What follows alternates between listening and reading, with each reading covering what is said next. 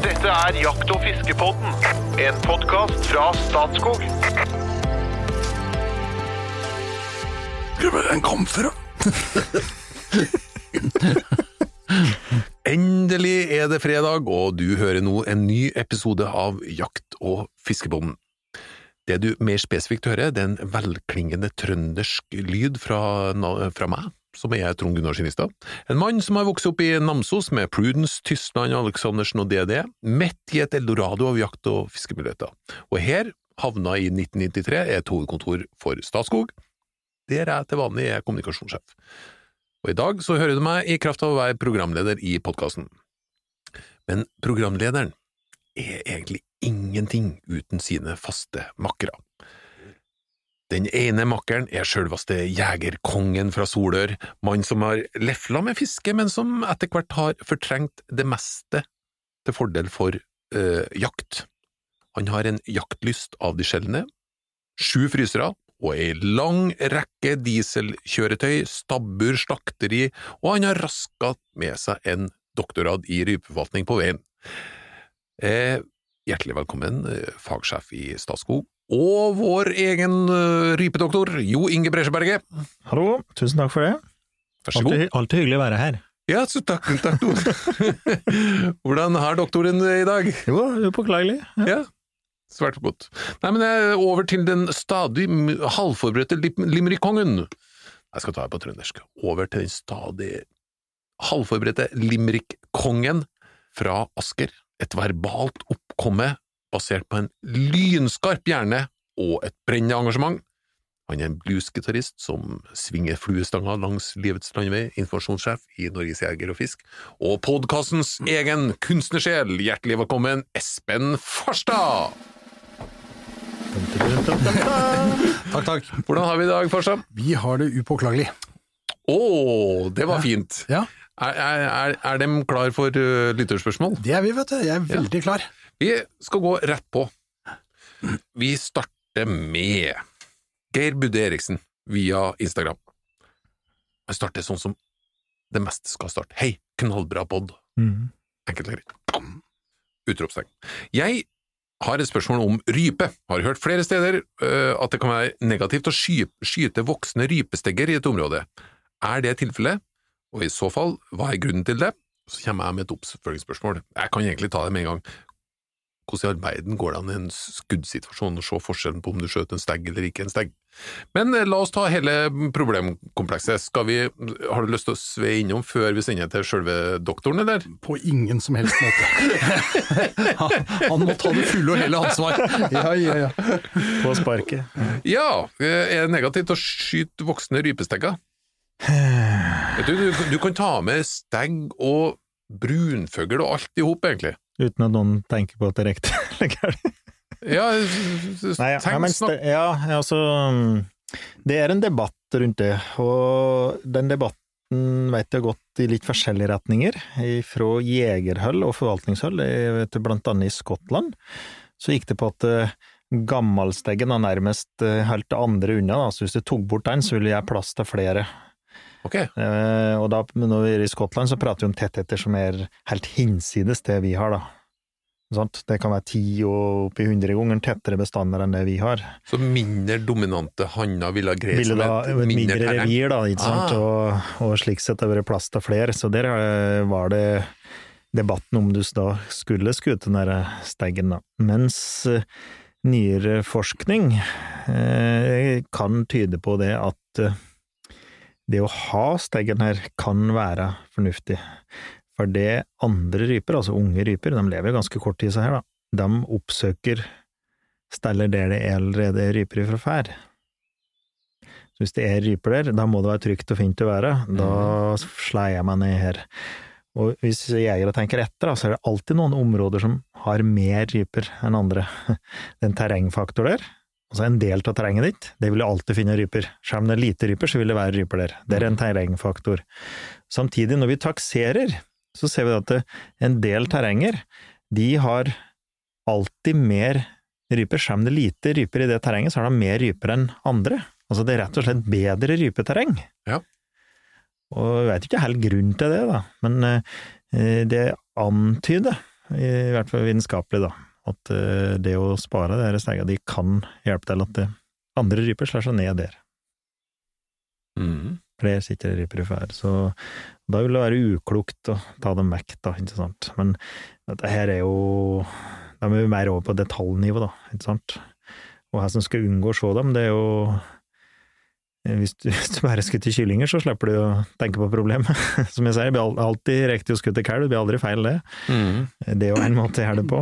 Og så tidlig i jakta, så vil de, så lenge kallet er samlet, da, så vil jo ofte steggen lage lyd, da, så du kan kjenne at det er steggen på det. Ja, det, det, det skulle jeg okay, spørre okay. om, nemlig er det sånn at den alltid gir den der karakteristiske lyden når den går alltid, opp? men veldig vanlig, da. Ja. Ja. Og det vil jo være et sikkert tegn da, på at Ja. en. Og i den grad jeg tar opp et kall, så prøver jeg å sortere ut kyllinger, da, og skutte kyllinger. Men eh, det er jo ikke alltid like lett, da. Men, eh, Ja, for da, da snakker vi om noen tidels sekund. Eh, ok, eh, nå, er- nå kan det være en forskjell på en hundejeger og en støkkjeger. En hundejeger, da eh, vil det ofte være en mer, litt mer planlagt situasjon. mm, Så du, du ja. Mm. En, men eh, ja. Hvor, det må jo være bedre, ekstremt vanskelig Ja. Og, Og avskyting. Ja. Ja, Ja, ja. i en så tidsavgrensa situasjon. Ja. Nå trøkker jo rypen bedre enn de fleste andre hønsefugler, da. Så til, som regel, så, i hvert fall tidlig i jakta, de første dager, så har du eh, som regel trøkker dem godt, og du har dem på nærme hold, da. Eh, og så reiser de opp, og så blir det til at du velger den, si, den letteste fuglen, da. Den som er nærmest, er lengst ned, eller eh, den som skiller seg ut, det er jo, det er jo vanlig, da, Ja. i situasjonen. Men eh, er jo særlig tidlig i jakta så er det jo forskjell på dem, da. Så den, det vil jo, de voksne individene vil jo framstå som stærre enn kyllinga, da. Så i den grad de klarer å velge, så velger de små, da. Mm. Men det er ikke alltid du får til, selvfølgelig. Kan jeg følge opp med et spørsmål eh, som går litt på det samme? Eh, Det er en del som freder brunfugl. Mm, ja. Er ikke det å be om at eh, jegerne skjøter eh, ting de ikke har lov til å skjøte? Spørsmål nummer én. Ja, Er det effektivt? Spørsmål nummer to. Er det som, Setter du ikke jegeren i en ekstremt vanskelig situasjon? Eh, Jo, og eh, prinsippet er jo det at eh, så er det jo polygame, så en, en hanne, altså en fjørhane eller en ærhane, kan da bedekke veldig mange høner. Og de har jo ikke noe ansvar utover, utover uh, sexakten. Så, at, det- så prinsippet er at du kan ha veldig få haner, uh, og kan bedekke veldig mange høner. Det vil da allikevel gå bra. Det er nok hovedgreia, og at hønen da er, tross alt er de som legger egg, da. Ikke sant? Så en del bestander nå så ser jeg at det er et veldig skeivt kjønnsforhold. Det kan være oppi tre ganger så mange høner som, en, som haner, for eksempel. Mm. Veldig mange høner. Eh, og det er klart at hvis du er pålegger og ikke skutter høner, så blir det en veldig liten andel av bestanden du kan høste på. Men det er likevel altså, ufarlig, da, for du tar vekk fugler som uansett vil erstatte av en annen og vil de- bedekke mange. I den grad det har noen effekt, det er faktisk Det er gjort noen forsøk, men det er veldig vanskelig å si. Mm. Så, vi har vi sett på det, vi òg. For det, vi har jo da min gode venn professor Per Vegge, da, som er min veileder. Han har en magefølelse. Og han har forsket på skogsfugl i minst 40 år, hver så 40 år. Magefølelsen tilsier at det kan ha en virkning. Men da er vi i året som er veldig dårlig, og kanskje skulle vi ikke jakte, da. Altså Ja, alternativet ok. er ikke jakte i hele Mhm. tatt. Og så skal du pålegge jegere her i en brøkdel av en sekund, som du sier, i skog, og så se med en gang her det er de tar opp, og så skal de sortere, og så Ja, det er det i hvert fall veldig mye vanskeligere for jegeren, da. Mm. Og virkningen er, er uviss. Jeg har sett noen forsøk i Sverige som tyder på at det ikke har noen effekt, da. Mm. Men eh, det er ikke gjort noen, så så vidt jeg veit, noen ordentlig vitenskapelige studier på det. Det er det ikke gjort. For det er liksom alle, alle de gode intensjonene kan jo sette jegerne i nesten umulige situasjoner, Espen. Eller vanskeligere, i hvert fall. Ja, vanske, Mm. vanskelig, det er lett for en jeger da å trå feil, fordi at man blir så spissfindig i forvaltninga, og, og de avgjørelsene som en jeger skal ta, dem må tas ekstremt raskt. Mm. Mhm. Ja, det, Og det, ikke det, minst på skogsfugljakt. Altså, og jeg som går som støkkjeger, det er jo du, du, du har ikke mange eh, tiendels sekunder til å bestemme deg, nei. Du har ikke det, altså. Da, det, det, da, for da er du sjanseløs. Du Mhm. skal ha sjans, så må du må være på på'n, ja. Men jeg syns jo det er interessant å høre at man har jo egentlig ingen fast empiri eller dokumentasjon på at dette faktisk har noen effekt. Man fornemmer at det kan ha det på, i svake år, Ja. Men, men det er blant mange jegere så er det jo liksom nærmest en fastslått og en absolutt sannhet at du, du må ikke skyte brunfugl, og jeg ser Ja. det er mange som får kjeft i kommentarfeltene Yes. på Facebook når de har skutt ei århøne, liksom, og det, jeg syns jo det er litt synd at vi blir så spesifikke og så eplekjekke på løsningene her, liksom. Ja, jeg synes, Ja, det blir, ja, jeg tror det å trekke det vel langt, da. Mm. Jeg tror jeg. Og selvfølgelig så er det jo, dette er jo, fugler har jo litt annet, eller litt mindre reproduksjonspotensial enn rypen har, da, som virkelig gønner til. Så Mm. får de jo ganske store køll av seg her, og i år da med lite predasjon, så vil det være mye fugl. Mm. Da vil det være hovedvekt og svartfugl, da, i de virkelig gode produksjonsåra. Det blir flett født flest hanner da. Mm. Men det at du da høster, altså høster av kyllinger, da, og òg rei og og randkjøring, skal jo ikke ha dårlig samvittighet for det i de gode åra her. Mm. Så, og jeg, bare, jeg vet meg sjøl, de åra det er liksom er helsvart, så, så begrenser jeg heller hele uttaket mitt, eller ikke jakter jeg, da. Mm. Hypotese. Mm. Uh, for det er, vi har jo en legendarisk episode om, uh, om elgforvaltning, egentlig, og, og der du gikk gjennom hva Hvis du sparer på elgokser, og hvordan viktig betydning det har for elgstammen. Kan det være sånn at eh, en eh, sterk dominant rypestegg fører til at eh, rypa blir tidligere bedekt, får tidligere avkom, som blir sterkere opp mot vinteren, så kan det ha en veldig positiv effekt, sånn som de har på elgstammen. Så kan det samme være tilfellet på, på fugler, og på andre arter, for så vidt.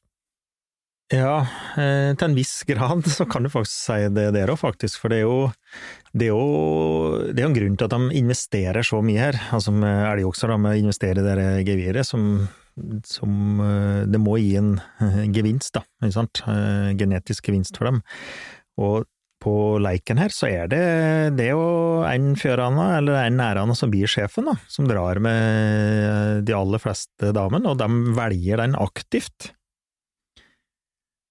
Og øh, mener jo da at han, han er den han vil øh, kopulere med, da. Mm og, og det er en grunn til det, at det, vært i, det systemet har, har utviklet seg litt, da, øh, med evolusjon. Og det er klart, og det må gi dem noen fordeler òg. Så kunne det bare vært en fjærene og rest att. Ja. Hvorfor skal de være på leiken og være nede når og blir utsatt for predasjon og, og eksponere seg, liksom? De, han kan jo bli ganske sær, faktisk. Han kan jo bli- til og med bli litt eh, overfladisk og kan gå og spankulere ganske lenge, og de byr seg fram eh, vel og lenge før han, eh, han hjelper til, liksom. Mhm. Og, og det er klart, alt dette er en risiko for dem, og det, hvis de ikke hadde vunnet på det, så hadde, de, så hadde ikke det vært eh, systemet evolusjonert seg slik, da.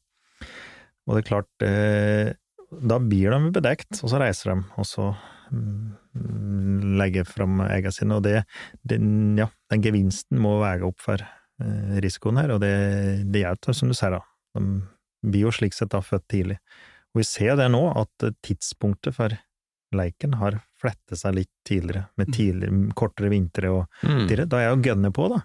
Og da får de jo, hvis de lykkes, så får de jo faktisk kyllingene sine født litt før. Ja. Sant? Og det gir en gevinst i året ennå. Ja, så Ja. da har du en eh, klimaeffekt, det er sikkert kjempemange da, men du har, du har, for du har jo på ene sida problemet med kamuflasje, Ja. og på andre sida at man kanskje står mer rusta opp mot en mildere vinter. Og, og det vil være en fordel for dem da, å, å føde tidlig, da. Altså, Mm. Det skal jo være takt med altså, De heter jo insekter første tid her, det skal jo være takt Ja, med alt, har jeg ja. Men en tidlig vår da, vil, vil kunne begunstige ham å føde ungene sine tidlig, og de er store da, til høsten. Da. Mm. Så, så til en viss grad er det samme mekanismen her, da. Ja. Du kan trekke det nesten dit, da. Nei, apropos valg av make og alle sånne, alle sånne ting, vi skal ha noen eh, vanskelige valg. Er du klar? Espen skal svare først. Mhm. Du skal nå få ditt eget TV-program i beste sendetid på NRK, Ja. men du må gjøre noen valg. Mhm. For det første så må du velge type program. Mhm. Nummer én, Ut i kulturen om norske forfatterskap i mellomkrigstiden, eller Ut i skulpturen om norske skulptører i et internasjonalt perspektiv. Hva velger du? Jeg tror jeg hadde valgt den siste, ja.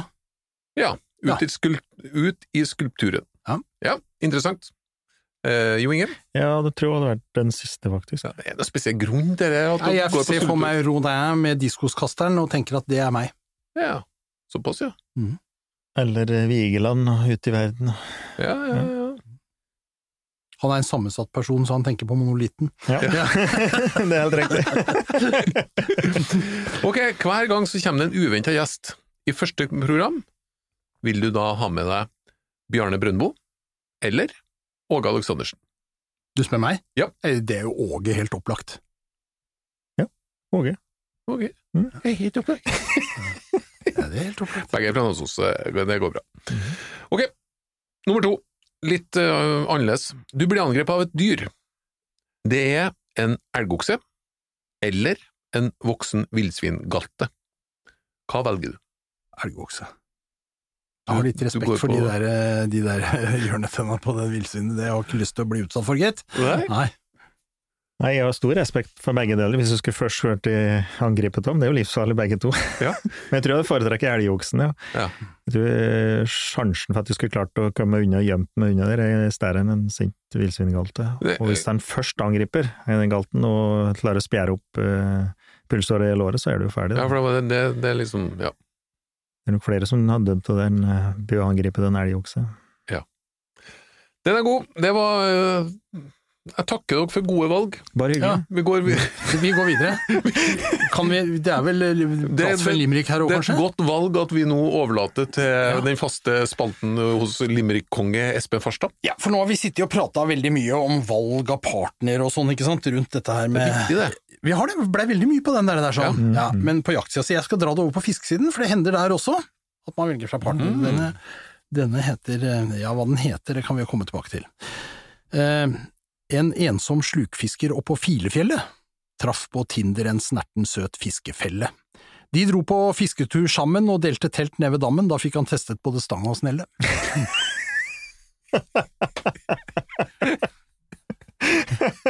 Det er superbra, Espen! Ja, den er jo det, det er helt på grensa til at jeg, jeg syns den blir bedre, skjønner du, over tid. Så han starta veldig bra, og nå, og nå bare Det er økning i programmet. Ja. Stigning i er helt, programmet. eh, Ja. det er helt knallbra. Det er nesten fraværet av nødrim faktisk, nå. Vi går over til Tove Mari Lindvall. Enkelt og greit spørsmål. Det har kommet som en kommentar på et Facebook-innlegg vi har på, på Facebook, faktisk. Eh, hei, jeg må ta med alltid de innledningene. Hei, takk for en superpodkast! Takk, takk. Fredagens høydepunkt. Skal man rapportere om man finner mye lakselus på villfisk, og i, og i så tilfelle hvor? Vær så god, Espen. Mm. Ja. Det der er et godt spørsmål, fordi at uh, disse her rapporteringsrutinene på dette er egentlig ganske dårlige. Det blei forsøkt faktisk en periode å lage en egen app for dette her, for å prøve å, å få en slags oversikt. Mm. Eh, og den eh, havarerte av ulike grunner. Eh, det skal jo driftes og tas imot og omsettes i noe kunnskap som er systematisert osv. Det, det, så det, det gikk litt dårlig. Eh, nå foregår lakselusovervåkninga i profesjonell regi, altså gjennom at man har eh, overvåking på villfisk eh, på ulike steder. Man har eh, feller med smolt stående for å se om de får påslag av lakselus, og, og man tråler litt og finner, og så slår man sammen dette, og så får man et bilde. Eh, og da er man ikke eh, så avhengig av eh, sportsfiskere som skal varsle. Og det er jo også det med lakselus og problemene knytta til vill laksefisk, både sjøørret og, og laks, er jo først og fremst knytta til eh, de små fiskene. Laksesmolten på vei ut, og sjøørretsmolten som jo lever i fjordsystemene i, i lengre tid og er mer minst, eksponert for lakselus. Ja, ikke minst den. Eh, og, og det er jo ikke fisk som vi normalt fisker etter. Nei. Ikke sant? Sånn at, sånn at akkurat det, sportsfiskerne vil jo kunne rapportere om, om lakselus på nygått fisk i elv, hvis de fisker, eventuelt hvis de får noe i sjø da, men jeg, det finnes ikke noe, så vidt jeg vet fall, noe godt dekkende system for å fange opp dette i dag, eh, så, men hvis man opplever store påslag av lakselus på fisk, så rapporter nå gjerne inn til, til eh, Mattilsynet lokalt. Eh, og, og så får jo de håndtere den problematikken med at de får en informasjonsstrøm inn til seg. Mm. Ja. Dette er jo et enormt problem blitt eh, hos oss, og nå har vi jo laget et trafikklyssystem langs kysten. Kysten er delt opp i gitt antall regioner, eh, hvor man eh, da måler dette med påslag av lakselus på villfisk, og så styrer, skal det styre eh, eventuell vekst i oppdrettsnæringa i samme regionen, ved et sånt trafikklyssystem hvor man gir seg gult, grønt og rødt, mm. alt etter hvordan situasjonen er. Så det finnes et system for overvåking der ute, men det omfatter ikke oss sportsfiskere i noe særlig grad. Og så, så lenge dere fisker i en lakseelv, så vil det jo være et organisert eh, fiske, da. Altså, det vil være et elveeierlag eller lignende. Det og Mattilsynet, ja, da er det jo langt på vei, i den grad du skal rapportere, da, om de ikke er klar over det. Vi vil jo anta, som sier, at eh, det allerede er oppdaget, men det skal du ikke si ifra, da. Mm. Det, ja. Hvis du åpner fisken, så finner du noe måkemark Vi har snakka om litt forskjellig. Er, er, er noe du skal rapportere, liksom? Finnes det noe annet du må, skal rapportere? Ja, altså hvis, hvis, hvis fisken har noe ved seg som er veldig unaturlig, så må man jo gjerne rapportere dette inn eh, til Mattilsynet og sånn, men det er jo i sjelden grad noe som man har kapasitet til å følge opp eller sånt, og det er jo sjelden, men vi hadde jo eksempler på en sykdom på laksen som dukka opp i Berbjelva, altså helt eh, sydøst i Norge, i Østfold, hvor vi har en ganske god lakseelv, hvor det plutselig kom opp en sykdom. Man fant døde, store lakser, altså seks-sju kilo, liksom, Mm. med, med, med rare sår på kroppen som de ikke hadde sett før. ikke sant? Det er klart, her varsler man jo. Ja. Mhm. Eh, Og da så har du blir- fiskere. Og da Det var fiskerne, og det er klart, vi er jo førstelinje ute Ja. i vassdraget. Det er det. ja. Så det har jo en misjon, da. Ja da, det har det, men det er jo ikke uvanlig at, at fisken som kommer opp i en elv har ulike sår og skader. Det kan være fra predatorer som sel og skarv og annet, ikke sant. Mm. Niøye for den saks skyld, ikke sant. Det kan være eh, slagskader som den har fått eh, passere gjennom laksetrapper, eller hva. Så det kan være mye. Så nei, det er eh, vi er der ute, og vi sier jo gjerne fra. Det blir jo fanga opp hvis noe skjer, eh, noe spesielt. Så vil jo ofte fiskerne være førstelinje, som sagt, men, men noe sånt veldig systematisk rapporteringssystem på lakselus for fiskere, det, det er så vidt meg bekjent ikke kjent. Tove Mari Lindvall, kjempegodt spørsmål. Jeg syns også det var et kjempegodt eh, svar. Mm. Tove ender opp med en fantastisk T-skjorte. Dersom du, Tove, sender oss eh, Jeg må dessverre be om adresse og telefonnummer til deg, altså. Sånn er det. Eh, Sånn at vi Og kan størrelse. Og størrelse på T-skjorta. Det er helt riktig. Eh, Så hvis du sender det, så får du Jakt- og fiskebåtens T-skjorte, som ikke kan kjøpes for penger. Det er ganske eksklusivt. Særdeles. Mhm. Med det så tenkte jeg faktisk at vi skulle gå ned for landing. Vi skal bare ha en liten hot or not uh, før vi ender helt. Hva syns dere? Nå, nå skal jeg Av og til så føler jeg at jeg er kanskje ikke så demokratisk. Hvem syns dere skal begynne denne gangen? Hva slik, ja. Jeg trodde du skulle si 'her syns du om det her', hot.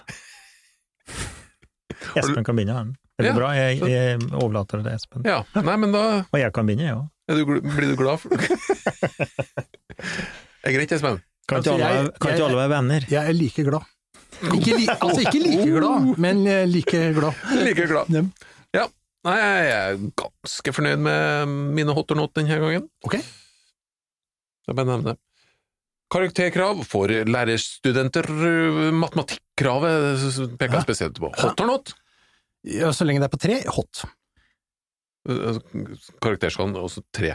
En treer. den, nei, altså, den er, altså, karakterkravet til lærerskolestudenter er nå senket fra fire Ja. til tre. Ja. Så lenge det er tre, hot. sier jeg. Ok. Ja, jeg forholder meg til spørsmålet slik det var. Jeg syns det er hot. Jeg synes det skal være et karakterkrav. Ja, men det er jo ingen som har diskutert om det skal være, det har vært diskutert hvor høyt det skal være. Nei, Ja, men spørsmålet her- var jo egentlig Da prøver jeg en gang til. Overhodet at man har et karakterkrav i matematikk til lærerstudenter. Hot or not? Ja, det er hot, Hot? Ja. Takk skal du ha. men lavt. Froskelår. Hot or not? Eh, Ja, hot. Det er hot. Det er hot, ja. Krysse Finnmarksvidda på ski. Hot or not? Ja, det er hot. Det er hot. Stisykling i Romsdalen. Hot or not? Ja, hot. Nei, jeg tenker not, jeg. ja. Fra Askild Holm sitt album fra 2010, Ei anna tid, og låta Festen er ikke over. Hot or not? Hot. Not. Hot på begge to! Men nå er faktisk festen over. Hjertelig takk for følget, og velkommen tilbake neste fredag!